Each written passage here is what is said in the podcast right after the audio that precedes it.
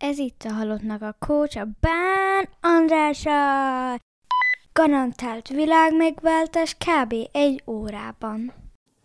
Üdvözlöm a hallgatókat, sziasztok! Én Bán András vagyok, Employee Wellbeing szakértő tanácsadó, és ebben az adásban a Business Boys Podcast 33,3%-a Mester Tomi személyében beszélget a Halottnak a Coach Podcast teljes legénységével, azaz velem. Sziasztok, Mester Tomi vagyok. Szia Tomi, tök jó, hogy itt vagy. Ez az adás ugye mindkét feedben meg fog jelenni, amolyan two-in-one gazdaságos termék, de a tartalmát tekintve reméljük, hogy nagyon is értékes. A beszélgetés apropója, hogy 2022 tavaszán készítettünk egy online minikurzust vállalkozóknak és vállalkozni vágyóknak arról, hogy a mi tapasztalataink alapján hogyan érdemes a bizniszt futtatni fenntartható módon, a mentális egészségünket is szem előtt tartva. Erre a szerintünk és a visszajelzések alapján az eddigi résztvevők szerint is értékes, potom összegért megvásárolható anyagra szeretnénk ismét felhívni a figyelmeteket.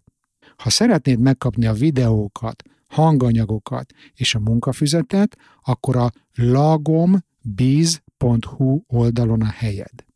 Mi pedig most átbeszéljük Tomival, aki már volt a Halottnak a coach vendége az 55. epizódban, hogy a kurzus megjelenése óta eltelt eseménytelen üzleti évben mi hogyan navigáltunk vállalkozásaink hajóját ezen a romantikus naplementével világított, szép kék nyugodt tengeren. Na jó, nem. Az igazat megvalva elég nehéz idők járnak a magyar vállalkozók fölött. Háború, kata, infláció, forint összeesés, recesszió, bizonytalan kilátások, bizalmatlanság, és nem is tudom, hogy még mit soroljak ide.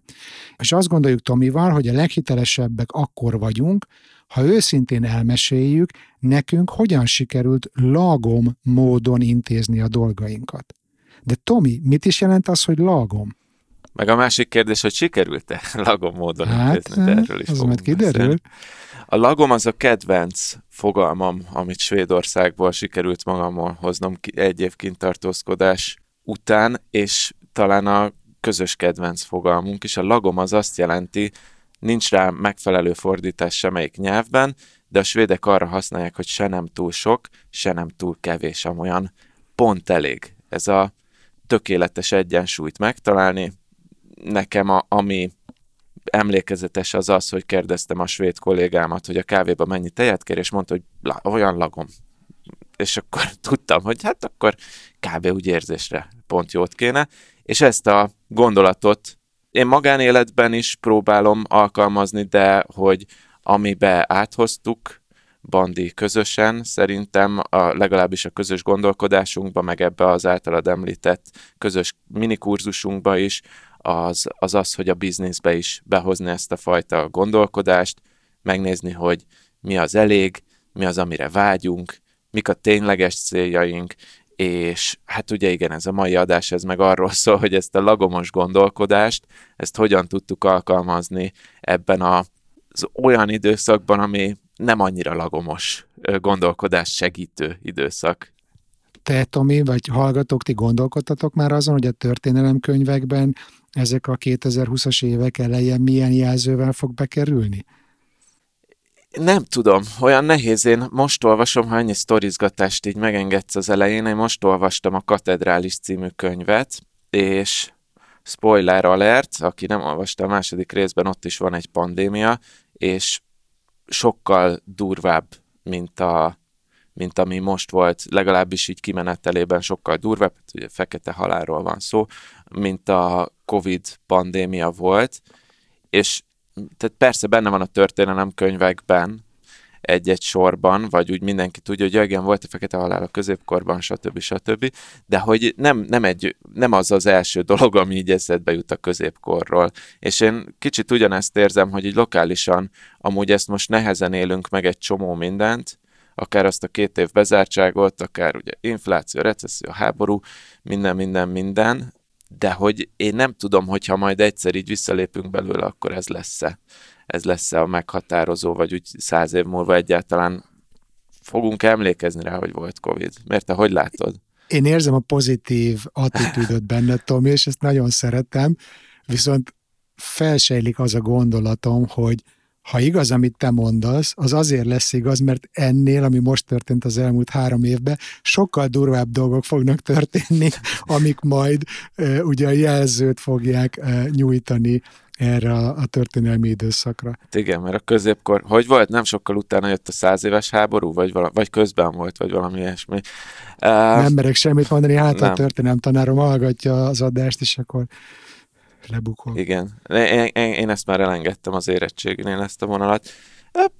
Igen, nehéz, tehát így most nehéz, nehéz megjósolni, de pont ezt beszélgettük így a felvétel előtt, hogy Szóval, hogy ebben is így, így nehéz megtalálni a lagomságot, hogy azért negatív dolgok történnek. És érdekel is, hogy te hogy éled meg, de Magyarországon, ha kilépsz az utcára, vagy akár csak otthon vagy, olvasod a híreket, meg úgy általában így, így a közhangulat, az mondjuk úgy, hogy nem pozitív, hanem inkább a negatív irányba visz, és én is észrevettem magamon ezt a fajta gondolkodást, hogy ha beszélgetek ismerősökkel, beszélek barátokkal, akkor negatívabb vagyok, mint általában.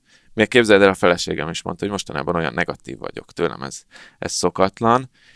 És hogy ebben is így próbálom megtalálni, meg ezt beszéltük ugye veled is adás előtt, hogy próbáljuk megtalálni a balanszot, hogy közben meg, amikor podcast felvételeket csinálunk, de akár csak így a mikrokörnyezetünkkel beszélgetünk, érezzük, meg én érzem, hogy nem jó irány az, hogyha én folyamatosan negatív vagyok, vagy kell egy, egyfajta pozitív kisugárzás, de akkor, főleg amúgy a podcastekben, ahol ugye több ezren hallgatnak egy-egy epizódot, de hogy a másik oldalról meg ott van az, hogy nem titkolhatjuk el azt sem, meg az sem egészséges, hogyha ilyen Instagram effektussal csak azt mutatjuk, hogy á, nekem, nekem mindig jó kedvem van, nekem mindig, mindig jó, nekem az én bizniszemre pozitívan hat a válság, tehát ez, ez, ez nem lenne ez sem egészséges, úgyhogy, úgyhogy igen, ez egy nehéz kérdés.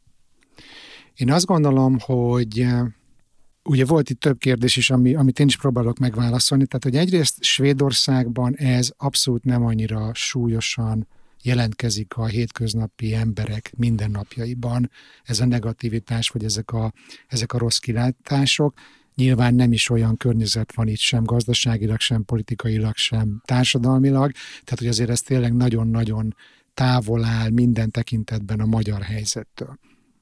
Viszont mivel én azért olyan kétlaki életet élek, és én a magyar nyelvű piacra dolgozom, és az én vállalkozásom jó részt a magyar piacból él, plusz most karácsonykor három hetet otthon voltunk a családdal, nyáron hat hetet otthon voltunk a családból, igazából összeszámoltam, hogy az évnek körülbelül a negyedét én biztos, hogy fizikailag is Magyarországon töltöm, viszont a magyar nyelvű klienseimmel, ahogy beszélek, szinte minden nap kapcsolatban vagyok velük, és ugye van ez a magyar jellegzetesség, hogy nekünk magyaroknak a kommunikációs csatornánk az a panaszkodás.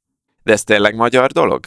Tehát ezt te jobban látod, mint én. Figyelj, azt lehet kiterjeszteni, hogy kelet-európai, de, de szerintem a magyarok ebben, még a kelet-európai blokkon belül is, hát szerintem élen járnak. Nekem ez a személyes tapasztalatom, nyilván nem reprezentatív minta, de, de hogy én ezt nagyon láttam, hogy a, a panaszkodás az egy jellemző kommunikációs metódus Magyarországon. Nem tudom, ezzel egyetértesz, Tomi?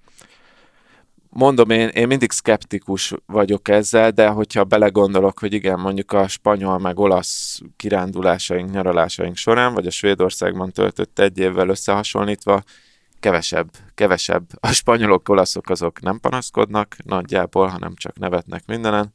Svédországban meg alapvetően azért jólét volt, amikor kim voltunk, szóval nem volt még mi miatt panaszkod. Most is az van? Még a sajtóhíresztelések ellenére még most is az van. Szóval, hogy az szerintem káros, hogy folyamatosan panaszkodunk, és mi nem ezt akarjuk csinálni, de az pont ugyanolyan káros, amit említesz, Tomi, hogy a, az Instagramon, a nem tudom hol, a social médiában az influencerek úgy tesznek, mint hogyha mindenből állandóan a pozitívat ki kéne, ki lehetne, ők ki tudnák hozni, miközben egyáltalán ugye nem látjuk a teljes életüket. És ugye ez a beszélgetés egyfajta kitárulkozás is a részünkről, amiben mi szeretnénk hitelesen megmutatni, hogy mi hogyan navigáljuk az üzleti életünket ezekben az időkben. De ahhoz, és ezt, ezt a coachingban is nagyon fontosnak tartom, ahhoz, hogy mi egy problémát meg tudjunk oldani, ahhoz viszont muszáj azt kimondani. Tehát muszáj elismernünk a probléma létezését, ha a gyászról beszélünk, muszáj adni időt annak, hogy akár derpegjünk ezen egy kicsit, vagy, vagy akár depresszióba essünk egy, egy időre, vagy tényleg beforduljunk, tehát hogy ez is oké, okay, ez is lehet a processz része, csak ne ragadjunk ebbe bele. De az, hogyha mi nem mondjuk ki, vagy mi, mi mindenképpen pozitívak akarunk lenni, még akkor is, amikor tényleg mondjuk úgy néz ki, mintha tök nagy szar lenne a világban, az szerintem egy nem jó üzenet, és nem is igaz. Igen, és e- végül is erre mondtam azt, hogy ez ebben is lehet egy kicsit lagomosnak lenni, hogy túl pozitív vagy, az, az sem egészséges, túl negatív vagy, az egyértelműen nem egészséges, meg kell találni a lagomot. Jó.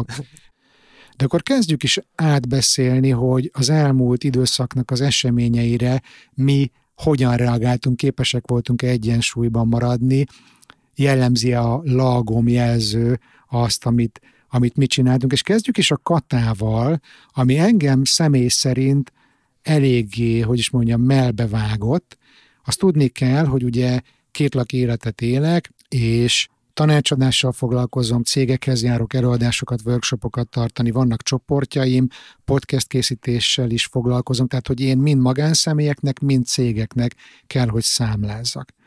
És nekem azért az adó optimalizálás jegyében a lehető legtöbb számlám az a magyarországi katásvállalkozásomból származott, miközben van egy svéd vállalkozásom is, ami egyébként most egy remek mentő volt ebben a helyzetben, amikor ugye a kata törvényel gyakorlatilag nagyon rövid határidőn belül hát kinyírták annak a lehetőségét, hogy ezzel a szuperkedvezményes adónemmel éljen valaki, aki ugye cégeknek is számláz. Tehát, hogy én ezt így szét tudtam választani, hogy az egyik cégemből dolgozom a cégeknek, a másik vállalkozásomból meg a magyarországi magánszemélyeknek, de megmondom őszintén, hogy az egyensúlyomat egyáltalán nem bírtam megtartani amikor ezek a hírek jöttek. Egy nagyon durva fél éven voltam túl, sikeres üzleti év, rengeteget dolgoztam, jól elfáradtam, és a jól megérdemelt 6 hetes szabadságomra elutaztunk a családdal Magyarországra, és ennek a szabadságnak körülbelül a, nem tudom, második hetében jött ez a, ez a bomba hír, ami totálisan kizökkentett engem abból a pihenő üzemmódból, és nekem muszáj volt hetekig, vagy egy-két hétig ezen kattognom, míg ki nem találom, hogy ezt hogyan lehet tovább működtetni. Tehát, hogy igazából mondhatom, hogy bármennyire is próbáltam lagom lenni, vagy egyensúlyban maradni, ez azért egy-két hétre totálisan elveszett. Nem tudom, téged ez érintett bármilyen módon, Tomi? Engem olyan értelemben, inkább mondom a sztorit hozzá, hogy nekem a, az új kata törvényel szinte napra pontosan egy időben született a második lányom. Tehát úgy képzeld el, hogy bementünk a kórházba, megszületett, minden rendben, mindenki egészséges, mindenki boldog, hazamentem, egy kicsit lepihentem, aludtam, ugye ilyenkor meg ők a kórházban vannak, felkeltem, reggeliztem, meg mindig örültem, és akkor nem tudom, így jó, nézzük meg, hogy amúgy mi történt így az elmúlt napokban, és akkor ott, hogy Kata, minden megváltozott, eltörölték, stb. stb. És így néztem, hogy na jó van, ezzel én most nem tudok mit kezdeni, és akkor be is zártam a, a híreket. Szóval ilyen szempontból nekem egyedül azért nem vitt át az inger küszöböt ez a katás történet, mert nagyon egybeesett az ilyen személyes dolgokkal, és én meg úgy voltam vele, hogy amikor született a lányom, akkor én tudtam, hogy kb. egy szeptemberig én, én szintén Szabira megyek, és nem is akartam ezzel foglalkozni, de olyan szempontból szerencsés vagy kiváltságos helyzetben voltam, hogy nekem azért mindig évelején van egy nagyobb munka, vagy egy nagyobb meló, ami a magyar három hónapos online kurzusom, az ugye januártól áprilisig, májusig lement, és nekem ez a megélhetést az úgy nagyjából a következő januárig lefedi. Szóval én úgy voltam vele, hogy itt most, ha a leges, leges, leges, leges, leges, legrosszabb dolgok történnek, akkor is januárig van időm kitalálni, hogy mi legyen. És akkor itt én ezzel a gondolattal elengedtem. Abban majdnem biztos voltam, hogy azért Magyarországon van több tízezer könyvelő, a kata törvényel egy meghozásával egy pillanatban ezen elkezdenek dolgozni, hogy, hogy lesz mégiscsak kedvező az adózás, és akkor végül is ez megszületett. Tehát, hogy nem tudom így a könyvelőm augusztus közepén hívott telefonon, hogy akkor ő ezt végig számolta, kigondolta, tényleg nagyon hálás vagyok neki, hogy hogy tényleg így ennyire minden, nyilván, tehát ezért fizetjük őt, mint a, az ügyfelei, ugyanakkor meg nagyon sok személyesen is tett több energiát tett bele, hogy mindenkinek megtalálja a megoldást. Mindegy, ezért nagyon hálás vagyok neki. Megtalálta augusztusban, fölhívott, és akkor nyilván többet kell adózni most uh, mindenkinek, de én azt gondolom, hogy összességében azért nekem személy szerint ilyen teljesen kezelhető maradt a dolog. Úgyhogy én ennyivel voltam, hogy nekem ez az időszak szerencsére kiesett, ez az idegeskedős időszak. Néztem a tüntetéseket, semmi motivációm nem volt ezekben részt venni. Kicsit, tehát hogy persze amúgy megértem, de ezt, én, én ilyen szempontból ezt full, teljesen távolállóként néztem, hogy mi történik, adtam neki időt, szerencsére ezt tudtam lagomként megélni. Mm. Jó. De egy dolog, bocsánat, egy dolog viszont, ami miatt így aktívan szorongtam azért, és amit főleg ezeket beszéltük a vállalkozó barátainkkal, ez most kevésbé aggaszt, de csak azért, mert elfelejtettem, az, az azért a jogbiztonság Pontosan volt. ezt tehát, akartam, hogy, így van. Így van. Hogy, hogy, tehát, hogy most nyilván két hónap alatt kitalálták, a könyvelők kitalálta az én könyvelőm is, hogy, hogy hogy lehet így relatív normálisan kijönni ebből, de, tehát, hogy na, hogyha ez még egyszer ugyanígy megváltozik ugyanennyi idő alatt, vagy fél évenként megváltozik ugyanennyi idő alatt, akkor az nem egy, nem egy olyan... Nem lagom. Tehát abban, ne, abban azért nehéz már vállalkozni. Így van. Azt mondom. Így van, és én azt gondolom, hogy el kell ismerni azt, hogy Magyarországon a vállalkozásokat sújtó adók szerintem nagyon versenyképesek Európában, mondhatjuk, hogy szuper alacsonyak, még annál is alacsonyabbak Igen. voltak. Ez azért ez a katás, ez, Igen. ez egy erős cucc így, volt. így van, tehát nem mondjuk a azt, maga hogy... 6,5 százalékával, vagy nem Tehát, tudom, hogy most nem azt mondjuk, hogy most ez önmagában igazságtalan megváltoztatni ezt a törvényt. Nem erről beszélünk, hanem a jogbiztonsági részéről, hogy egy ilyen jogi környezetben érdemes-e hosszú távra tervezni, ahol nem csak, hogy évközben képesek adót változtatni, adótörvényt, hanem hogy ilyen rövid lefutással. És ugye itt a mentális egészséget, a, a, a, az egyensúlyt azért nem hagyhatjuk figyelmen kívül, mert amit a könyvelőknek le kellett futni abban a két hónapban, a jogászoknak, az üzlettulajdonosoknak, az egyszerűen nem emberi. Az egyszerűen nem emberi. Hát nekik nem volt nyaralás. És, igen, hogy, és hogyha igen, mondjuk ugyanez azt lett volna, hogy hogy nem tudom, nyáron megmondjuk, hogy január 1-től így van, akkor én azt mondom, hogy jó rend. Igen. Főleg, főleg, hogy amúgy adó szempontból is azért mindenki egy üzleti év januártól januárig így van, tervezi így van, általában, így van. szóval ott, ott nehéz, így van. nehéz okosat gurítani két hónap alatt. Meg tényleg az, hogy kicsit az időzítés az, hogy mondjam, nem volt szerencsés, hogy, hogy pont nyáron, amikor mindenki nyaralna, mindenki Igen. kikapcsolódna, Igen. Eh, és Igen. akkor ugye te is mondtad, hogy gyakorlatilag ezzel a a, a, a pihenésed le is zárult. Voltak álmatlan éjszakáim. Tehát, és akkor ugye ehhez összekapcsolódik azzal a témával, hogy már eleve addigra azért nagyon szépen beindult az infláció, és nagyon gyönyörűen gyengülni kezdett a forint. Engem ugye ez hogyan érint? Úgy, hogy én vagyok az a barom, aki a magyar piacra dolgozik, és Svédországban tölti az év háromnegyedét, és ugye erre e, praktikusan itt költöm el a megkeresett pénzem háromnegyedét egy olyan e, devizában, ami mondjuk hát ugye teljes mértékben elrugaszkodik a forinttól, amiben én addig kerestem a pénzemet. És ugye én nekem... Hát igen, elő... bocs, hogy közbevágok, hogy mennyibe kerül most ott egy ebéd?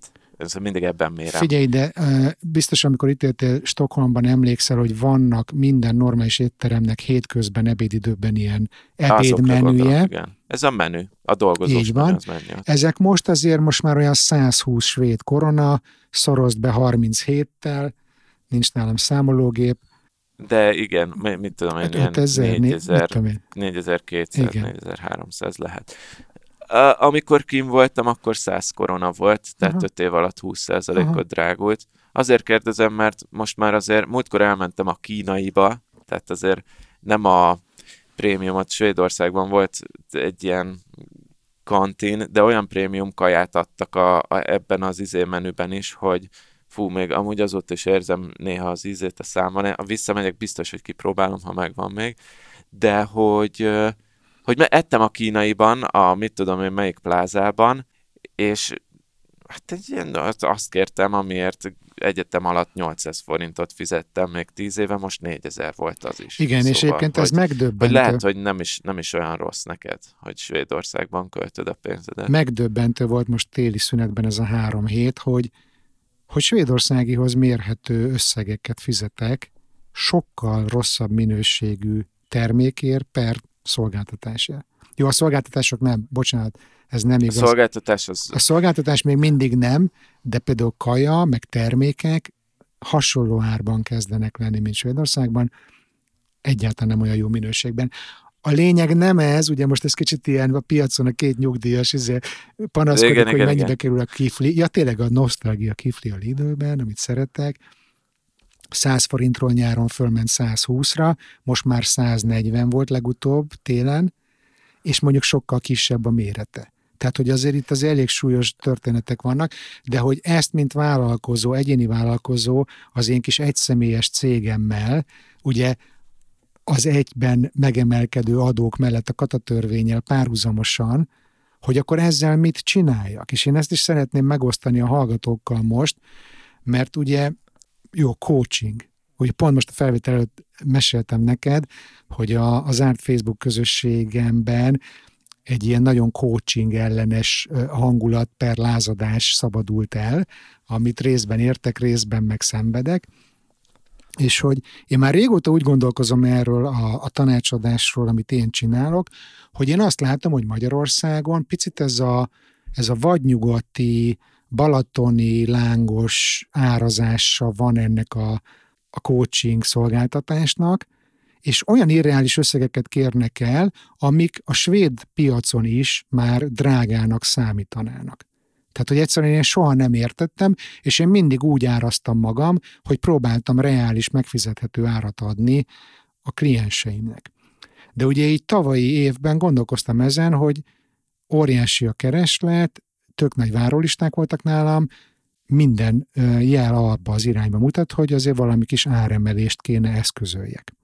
És én már így régóta gondolkoztam ezen az áremelésen, de ugye bejött ez a katatörvény, bejött a, a nagyon durva infláció, bejött a forintnak a gyengülése, bejött a, a várható recessziónak a szele, és én hoztam egy olyan döntést, és én erre büszke vagyok, és azt gondolom, hogy ez viszont lagom, hogy elővettem a kockás eh, füzetet, meg a kis tollamat, és elkezdtem számolgatni, és én írtam az összes kliensemnek, meg a várólistán lévő klienseimnek egy szívhez szóló levelet, amiben elmondom azt, hogy értem azt, hogy most mennyire nehéz idők járnak, és nagyon fontosnak tartom, különösen ezekben a nehéz időkben, hogy az ember tudjon erőforrásokat, pénzt, időt fordítani a saját mentális egészségének az ápolására, fenntartására, és hogy én, hogy ezt lehetővé tegyem, sorstársként a, a nehéz időszakokban nem most tervezek meggazdagodni,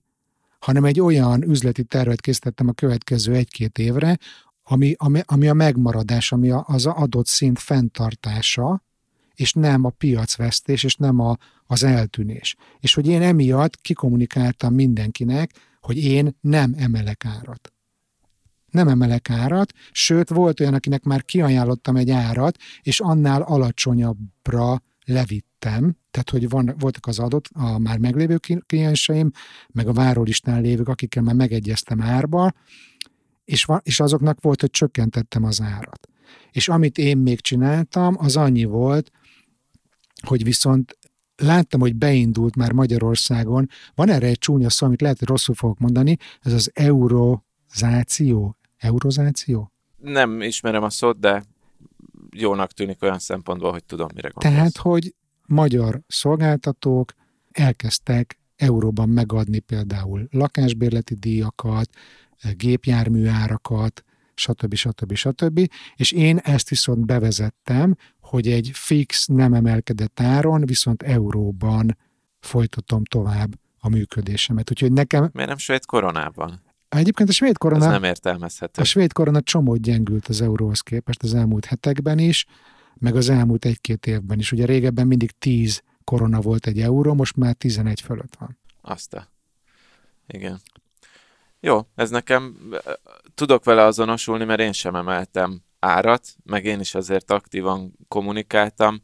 Nekem ilyen szempontból különbözik a bizniszem, legalábbis a fő bizniszem a Data 36. Neked szokták mondani, hogy van a vitamin, meg a gyógyszer, vagy fájdalomcsillapító típusú biznisz. A tied az szerintem abszolút a gyógyszer meg fájdalomcsillapító kategória, tehát a, a, ha kell, akkor arra szüksége van az embernek, és ezt, de ez egy tiszteletre méltó döntés, hogy te emiatt azt mondtad, hogy nem most fogsz árat emelni. Magával a gondolkodásmóddal is egyetértek, arra majd mindjárt visszatérek. Én sem emeltem árat, én meg azért nem emeltem árat, mert uh, olvastam a kedvenc uh, brandinggel foglalkozó könyvemnek, amit majd linkelünk a show notes-ba, a Brand Gap-ben, hogy, uh, hogy az egy teljesen jó üzleti stratégia. A, ők úgy fogalmaztak, hogy when everybody zigs, zag, és uh, úgy voltam vele, hogy mindenki árat emel, akkor én tök jól tudom kommunikálni, hogy én nem emelek árat, és szerencsére én megtehetem, mert nekem online kurzusaim vannak, tehát hogy olyan, olyan szempontból, hogy tehát nem az időmet adom át, tehát én, én azzal nem veszítek lényegében, hogyha nem emelek árat. Nyilván át kell számolni a dolgokat, meg, meg át kell kalkulálni, hiszen azért a, a tej az nekem is kétszer annyiba kerül a boltban, de alapvetően, ha csak a céget nézzük, akkor a céges működéshez, mivel nagyon magas a profitrátám, ezért, és alacsonyak nagyon a költségeim, ugye ez azt is jelenti, ezért nem feltétlenül kell árat emelnem. Uh-huh. És akkor én nem is emeltem most árat, aztán majd meglátjuk. És ez szerintem most mindkettőnknél azt gondolom, hogy egy, egy gyakorlatba ültetett lagom hozzáállás, hogy itt nem csupán a nagyon hirtelen meggazdagodás van a fejünkben, amikor az üzletünket visszük, igaz? Igen, sőt én abban is látok párhuzamot a gondolkodásunkban, hogy ezt korábbi Business Boys részekben így beszéltük az adiékkal, hogy ki melyik szuperhős lenne a Marvelből, ha választhatta magának, és én a hangyát választottam, a, nem tudom, az megvan-e a hangya, aki... Aha, megvan. Igen, igen, aki össze Paul tud... Rudd, nem? Igen, igen. Össze tud menni kicsire, és ez nem egy túl szexi szuperképesség, de nekem nagyon tetszik így üzleti szempontból ez a gondolat, hogy nekem azért olyan a cégem, hogy mondjuk az elmúlt egy évben egy csomó ilyen költségcsökkentő projektet csináltam. Tehát én valóban össze tudok menni kicsire, hogyha kevesebb a vásárlás, vagy nem emelkednek az áraim, de növekszik az infláció, akkor én tudom úgy növelni a profitrátámat, hogy, hogy igazából költséget csökkentek, hogy amiket most fizetek, azt kiváltom. Magamnak, kevesebbet költök, és én ezt próbálom a személyes életbe is áthozni, hogy, hogy amúgy az is opció, hogy amit eddig pazaroltunk, és sokat költöttünk, biztos van szerintem 20%-nyi a mi költségvetésünkben személy szerint, vagy volt tavaly, amire ilyen luxus termékekre költöttünk, hogy kb. annyi a, az infláció, és ha mindent egybeveszünk, hogy, hogy azt mi még szerintem így vissza tudjuk, vagy vissza tudtuk vágni. Úgyhogy nyilván ez most az elmúlt év, tök sokat fog számítani, hogy a következő évben Törökország leszünk-e, vagy Törökország lesz Európában, ahol ugye vágtázik, még továbbra is az infláció, meg ilyen 50% ok stb. stb. vagy konszolidáció lesz, mert ezt nem lehet a végtelenségig csinálni de most, most ezt a lagom, lagom hozzáállást meg ebben is érzem, hogy amit mondtál, hogy most nem óriásira kell nőni, meg ha már az lett volna eddig is a cél, hogy baromi nagy bizniszt építsünk, akkor az, az sokkal törékenyebb lenne. Ez az egyfős vállalkozások össze tudják húzni magukat. Va, nyilván mindig vannak kivételek, de én igyekeztem így építeni eddig is, és most úgy érzem, hogy ez, ez sokat segít ebben az időszakban. Nagyon fontos ez, amiről beszélsz, hogy nem csak az üzleti életben, hanem a magánéletünkben is tudjunk a hangya szuperhős képességével rendelkezve összehúzódni. És én biztos vagyok benne, hogy azok, akik most minket hallgatnak, azok között van olyan, aki tényleg már nem tud jobban spórolni, Persze. vagy nem tud már miről lemondani, és te meg én még mindig szerintem nagyon privilegizált helyzetben vagyunk, és szuper-szuper hálásak lehetünk annak, hogy milyen módon élünk, de hogy nekem nyár elején még mielőtt volt ez az egész kata, meg ez az egész, elkezdték rázni a fát, nekem már volt egy nagyon mély fölismerésem azzal kapcsolatban, amiről te most beszéltél, Tomi, hogyha egy kicsit bepromózhatom, csináltam is erről egy, egy epizódot a Halottnak a coachban, aminek az a címe, hogy a pessimizmus jó. Uh-huh. És ez a nyaralás első napja helyett készült ez a podcast, mert az volt, hogy jöttünk volna Budapestre a feleségemmel, a gyerek után, aki már nagyszülőkkel Magyarországon volt, de hát törölték a járatunkat, és azért nem tudom, még emlékeztek-e 2022 nyarára, de ugye a Covid után így visszaugrott a, a kereslet a légiközlekedés iránt, és a, és a szolgáltatók nem bírták a csökkentett kapacitást hozzápasszintani a kereslethez, tehát hogy így elég súlyos járattörlések, csúszások, baromi magas árak voltak. És nyilván frusztrált voltam, hogy nem tudunk elutazni, amikor akarunk, csak mondjuk x nap múlva egy másik járattal, de hogy ez engem így elindított, és abból született ez az írás, meg ez a podcast, ez a pessimizmus jó, hogy, hogy alapvetően én azt gondolom, és, és ugye ez nem egy új téma, mert már évtizedek óta lehet hallani ezeket a hangokat, de ha most nem vesszük észre azt, hogy sokkal több erőforrást használunk, mint amennyi rendelkezésünkre áll fenntartható módon. És ezt most a legáltalánosabb értelemben is mondom, meg az üzleti életre is, meg a saját privát életünkre is. Hogy sokkal több dologra gondoljuk azt, hogy ez nekünk jár, hogy ez alap, hogy ez természetes, mint amennyi egészséges lenne. És hogy én erről elmélkedtem sokat, hogy lehet, hogy, hogy most már ez nem a jövő, hanem a jelen, amivel riogattak minket klímaügyben, társadalmi problémák ügyében, és hogy nagyon fontos szerintem átgondolnunk először egyéni, személy szintjén azt, hogy mi az, amire mi azt gondoljuk, hogy az jár nekünk, és amikor mi célokat támasztunk, célokat tűzünk ki a, a privát életben, az üzleti életben, mi az, ami ténylegesen reális. Nem tudom, hogy Tomi, neked ezzel kapcsolatban változott-e valamit a gondolkodásod az utóbbi időszak eseményeinek a, a tükrében? nem, nem is üzleti célok jutottak először eszembe, hanem a, a személyes életben ez a túlfogyasztással kapcsolatban, vagy hogy mi a, mi a standard. Itt kicsit drámai a történet, de ugye Ukrajnában még azóta is folyamatosan megy a háború, és egyrészt találkoztam most több olyan emberrel is, akik onnan jöttek, így a, nálunk is a, a házba is költözött be egy család.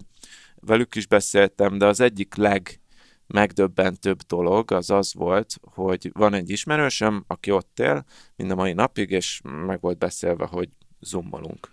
és, és mondta, így rám írt, hogy figyelj, lehet, hogy halasztanunk kéne ezt a zoomolást, mert hogy itt most pont bombáznak a környéken, és hogy valószínűleg nem lesz internet meg áram, és akkor nem biztos, hogy tudok jönni. És nem, ez is megdöbbentő volt önmagában, tehát hogy tényleg borzalmas volt olvasni, de az a természetesség volt a legdurvább, hogy mint hogyha neki lenne erre már egy e-mail sablonja, hogy ez így minden nap megtörténhet náluk, utána kérdeztem, tehát, hogy nem voltak életveszélyben, tehát, hogy ez, ez nem, nem ilyen szintű dolog volt, de az, hogy náluk folyamatos az internet kimaradás, folyamatos az áramkimaradás, az az, az életnek a, a része.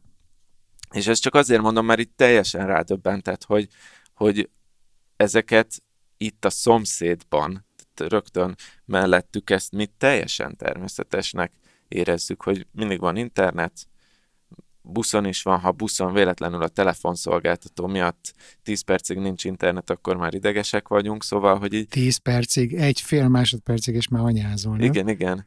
Igen, megszakadt a FaceTime, akkor már mérgesek vagyunk.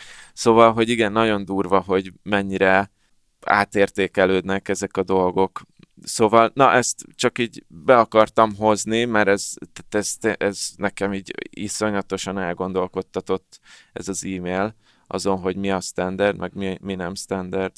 És azt azért nem zárójelbe tegyük hozzá a történetethez, hogyha ő 50, azt hiszem 50 vagy 60 év, 50 év alatti férfi, vagy 60, nem is tudom, akkor bármelyik pillanatban besorozzák, és megy a frontra ténylegesen katonáskodni igen, Ukrajnába. Igen, igen, így van. Hát az meg az.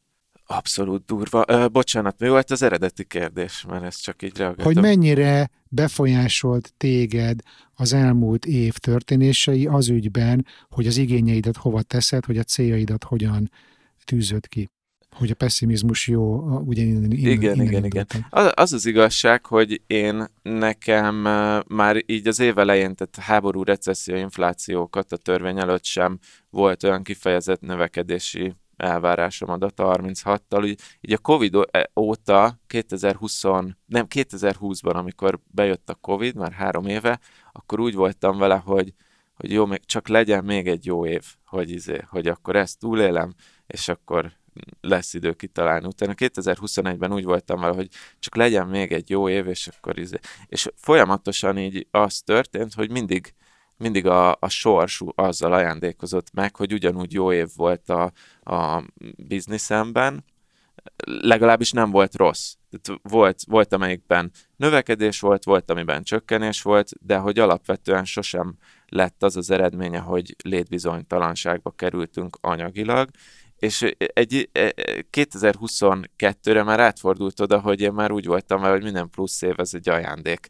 Már úgyhogy nekem nem voltak nagy, és ezt mondtam a Business Voice-ban is, hogy nem voltak nagy növekedési céljaim. 2022-ben úgy vágtam bele, hogy nem, tehát konkrétan nem voltak ilyen kifejezett pénzügyi céljaim. Nyilván, tehát azt, azt továbbra is örülök, hogyha egy létminimumot vagy tehát, hogy az, ami nekünk az élethez kell, azt kitermel a Data 36, de szerencsére most még mindig van rajta annyi puffer a bevételeken, hogyha az mondjuk lecsökken jelentősen, mondjuk a jelentős alatt azt értem, hogy mondjuk 30-40 százalékkal, akkor még mindig meg tudunk belőle élni, úgyhogy ilyen szempontból én, én így üzletileg nem, nem terveztem, meg most 2023 is egyenlőre úgy tűnik, hogy ez, ez most megint csak szerencsém volt, és akkor ez most me- megint egy, egy ilyen szempontból biztonságos, meg jó év lesz, de az az igazság, hogy most már azért sem tervezek, mert nem is nagyon lehet tervezni, tehát most hova tervezzek, hogy ha júliusban vagy júniusban megint beüt valami, akkor, akkor hmm. kicsit, kicsit most ilyen rövidebb távon vagyok, örülök annak, ami most van, de hogy... Van B-terved, hogyha mondjuk mondjuk veszteségesé válik a biznisz, vagy nem éltek meg belőle? Van B-terved? Van uh, biztonsági tartalékunk, tehát az, uh-huh. az, az nekem nagyon fontos, hogy ha most nullára csökken minden bevételem, akkor is azért szerintem 12 hónapig a biztonsági tartalékunkból ugyanazon az életszínvonalon tudunk élni, és amit megtanultam így az elmúlt tíz évben vállalkozóként, hogy 12 hónap alatt szerintem én tudok a talpamra esni. Tehát nem azt mondom, így aggódt, tehát mindig, amikor jöttek az új hírek, akkor aggódtam, és elkezdtem gondolkozni, hogy, hogy mi történne, ha.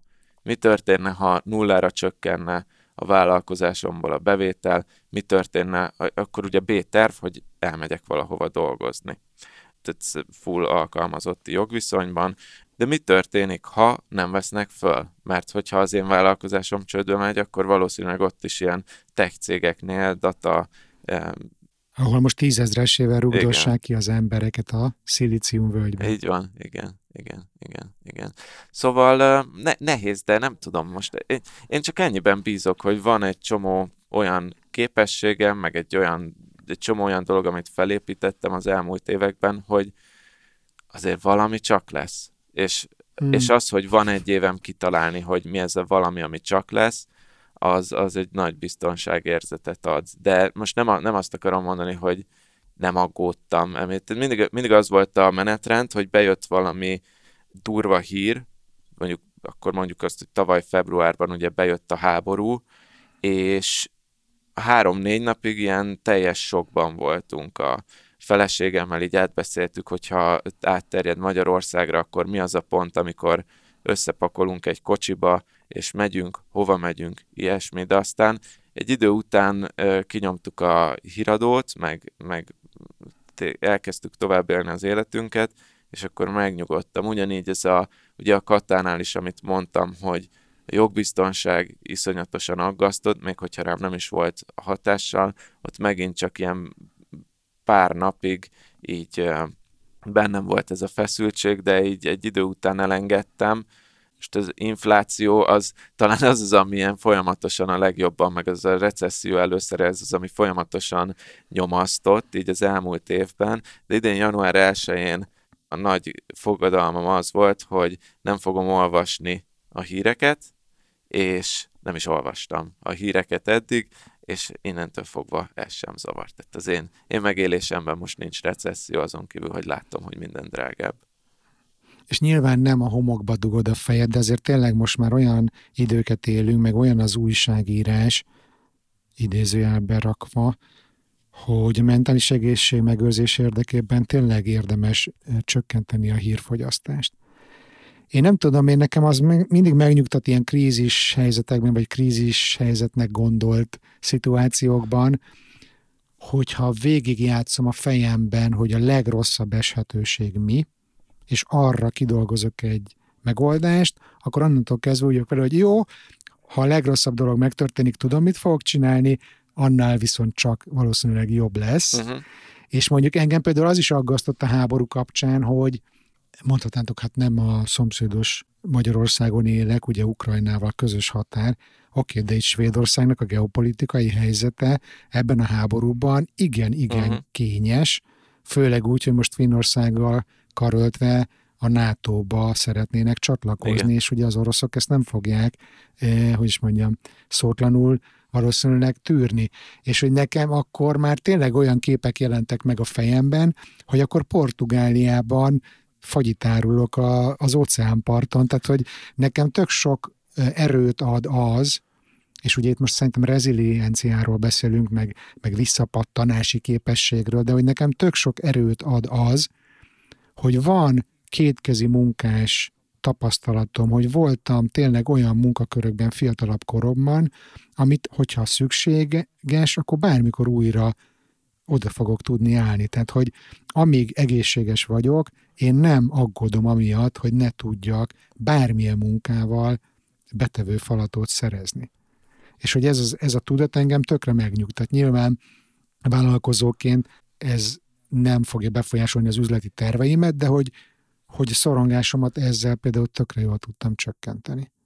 Elképzeltem magam portugál óceánparton. Vagy árulni? Elmondjam, Aha. hogy mivel tehetem tönkre neked ezt a, a worst case szenárió. Hogy nem fognak fagyit venni az emberek? Nem, mondjuk, hogy fagyit vesznek, mert meleg van, hanem, hogy oda megy akkor százezer magyar, meg 200 ezer svéd, és mindenki fagyit akar árulni, nem vesznek fel fagyi árusnak. Akkor majd, ta, hát akkor majd töltsérbe. Én, én, én inkább azt gondolom, hogy szerintem, vagy én, én azt mondom, hogy engem ez az érzés nyugtat meg, és ha rád nézek, akkor azért vagyok nyugodt miattad is, mert én azt érzem, hogy szerintem neked van egy tehetséged valamiben, meg én magamról is ezt érzem, hogy van egy tehetségem valamiben, és szerintem te megtaláltad, hogy miben vagy jó, és vagy hogy miben vagy tehetséges, és aki ezt megtalálja, azt szerintem ez a tehetsége, hogyha ezt szerint tud élni, akkor ez nagyon sok mindenben fogja segíteni. És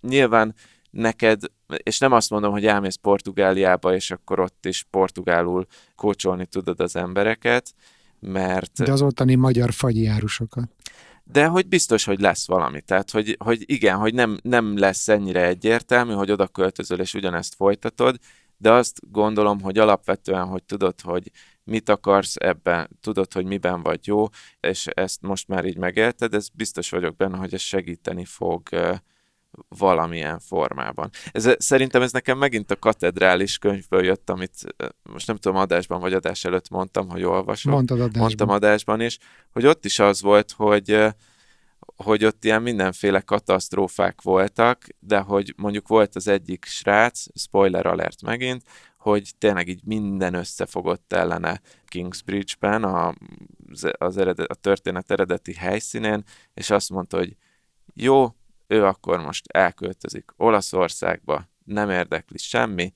elindult, nem ismert senkit, de tudta, hogy van egy valamiben tehetsége, a asztalosként jól, jól tud működni, és végül megtanulta a nyelvet, végül megtalálta, nem pont asztalos lett, hanem építőmester, de hogy így, így, így talpra esett. Van egy másik haverom, aki most elköltözött Új-Zélandra, úgyhogy itthon hagyott egy jól menő építészcéget, és azt mondta, hogy őt nem érdekli semmi. Bocsod, Dani, te is ismered? Hát én együtt laktam vele egy... izé, egy ne izé már. De hát, hát akkor nagyon jó, akkor, akkor nem tudom, hogy akarja hogy itt... Te is ismered, Persze. Max kisípoljuk a nevét, igen.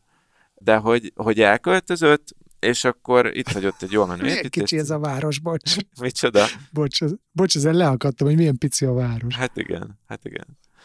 Hol is tartottam? Tehát, kiment Új-Zélandra. Ja, ja, kiköltözött Új-Zélandra, és akkor azt mondta, hogy ő nem érdekli, kipróbálja, hogy milyen az, hogy kecskét fejni egy hónapig. És akkor egy hónapig kecskét fejt, egy hónapig kiviccedett, meg, meg ilyen kemper buszokat újítanak fel. Vett izé buszt, igen, lakóautót felújította, kiadta, eladta, tehát ez abszolút az hmm. ilyen, ő, rajta is azt érzem, hogy van egy tehetsége valamiben, és akkor ő azt most így full megéli, és nem építészirodát üzemeltet kint sem, hanem egyszerűen megnézi, meg felfedezi, hogy mi van, és, és, uh-huh. és kicsit amúgy hasonlítette fagyis dolgodra is, de, de, hogy, de hogy nekem ez ad erőt ilyenkor.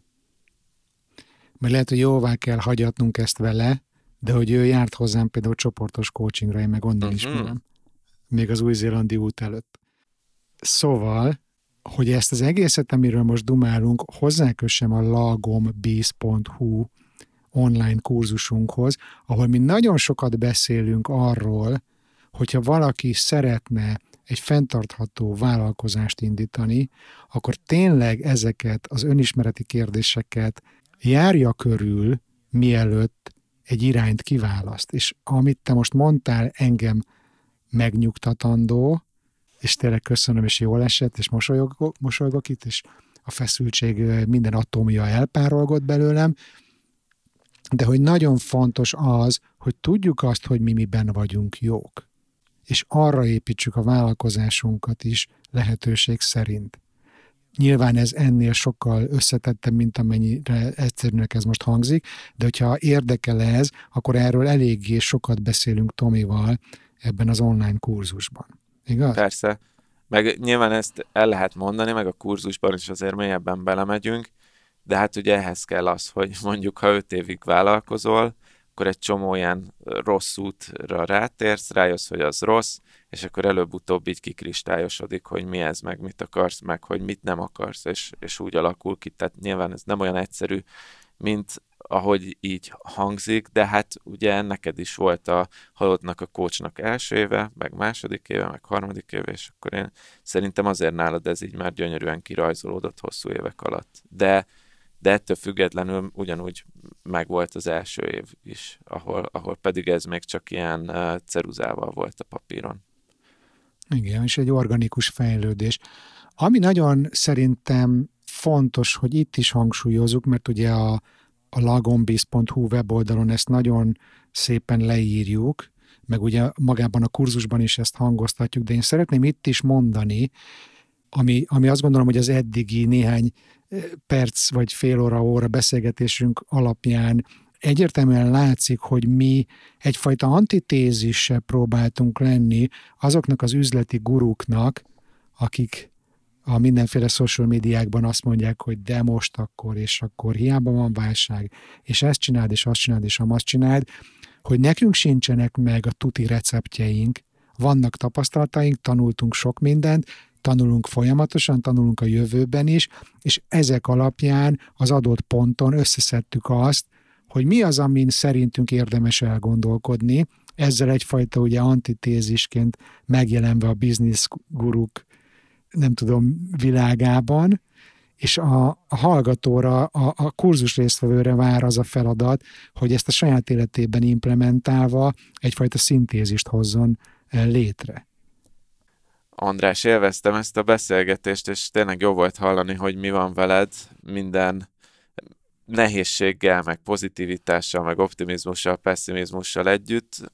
Én mindig szeretek veled beszélni, valahogy van egy olyan kisugárzásod, hogy, hogy mindig megnyugtatod az embert, így balanszba hozod, és, és most is ezt éreztem, akkor a, akkor a Lagon Business kurzusnál pedig akkor nem emelünk árat ezek szerint, nem? Hát most biztos. jó, jó. Majd egy kicsit később, igen, amikor már nagyon vágtázik az infláció. Oké, és szóval igen, ez volt a Halottnak a Coach és a Business Boys-nak egy újabb közös produkciója. Örülök, hogy most már ennyi közös hanganyagunk született, meg ugye a közös kurzusunk is Bandival, mikrokurzusunk a Lagon Business kurzus, amit fondorlatos módon a lagonbiz.hu címen érhettek el, hogyha még nem neveztetek be erre a kis mikrokurzusra, ugye van itt videóanyag, hanganyag, munkafüzet, de nézzétek meg, a show betesszük a linket, akit érdekel, kattintson rá és, és regisztráljon. És akkor Bandi ősszel összeülünk újra, és, és átbeszéljük? Reméljük addigra már tényleg eseménytelen lesz az év, és nem lesz mit átbeszélni. Figyelj, én ezt nagyon élveztem, Tomi, olyan, mint hogyha elmentünk volna kávézni, mindenképpen szívesen, akár ebből rendszert is tudok csinálni. Jó, jó, fél évente egyszer találkozunk, és átbeszéljük, hogy, hogy mi a helyzet, sikerült-e lagomként megélni. Egyébként tudod, miért jó ez? Azért is, mert pont, hogy nekem is segít át gondolni, így, hogy elég lagom voltam-e az elmúlt fél évben, egy évben, és hogyha nem, akkor tudok reflektálni, úgyhogy Úgyhogy gyakorlatilag ez akkor most uh, ki, ki, kiszedtem belőled egy ingyenes coachingot is, nem? Akkor lagom badik, badik Lagom badik, mekkora kifejezés, tényleg. Jó van, köszönöm szépen Jó ezt van, a beszélgetést, én is. Bandi. Jó van, minden jót neked és a hallgatóknak is. Köszönjük Igen, köszönjük szépen, hogy itt voltatok. Itt volt velem Bán András, én Mester Tomi voltam. Sziasztok! Ciao. Kedves hallgató, köszönöm, hogy még mindig itt vagy, remélem megérte végig maradnod. Ha szeretnél egy szuper társaság részévé válni, akkor csatlakozz az online támogató közösségünkhöz a Facebookon, keresd a Halottnak a Coach közösség csoportot, és ne felejts el követni az Instagramon a Halottnak a Coach címen. Amennyiben szeretnél velem dolgozni, részt venni egy csoportos coaching programon, vagy egyéni tanácsadáson, meghívni a cégedhez workshopot vagy érzékenyítő beszélgetést tartani, esetleg podcastet készítenél velem, akkor a részletekért látogass el a bánandrás.hu weboldalra. A bánandrás.hu-n feliratkozhatsz a hírlevelemre is, amiben péntekenként bepillanthatsz a kulisszák mögé, és megosztom veled, mi inspirál éppen, mit találok érdekesnek a világban. Iratkozz fel a Halottnak a Coachra Patreonon exkluzív tartalmakért, és támogasd a munkámat havi egy kávé árával. Küldhetsz egyszeri támogatást is a Paypalon vagy Revoluton, részletek az adásnaplóban. Köszönöm már a figyelmed, kérlek iratkozz föl a Halottnak a Coach podcastre azon a lejátszón, ahol éppen most hallgatod, és mesélj a műsorról egy barátodnak. Bán András voltam, a mi hamarabb viszont hallásra.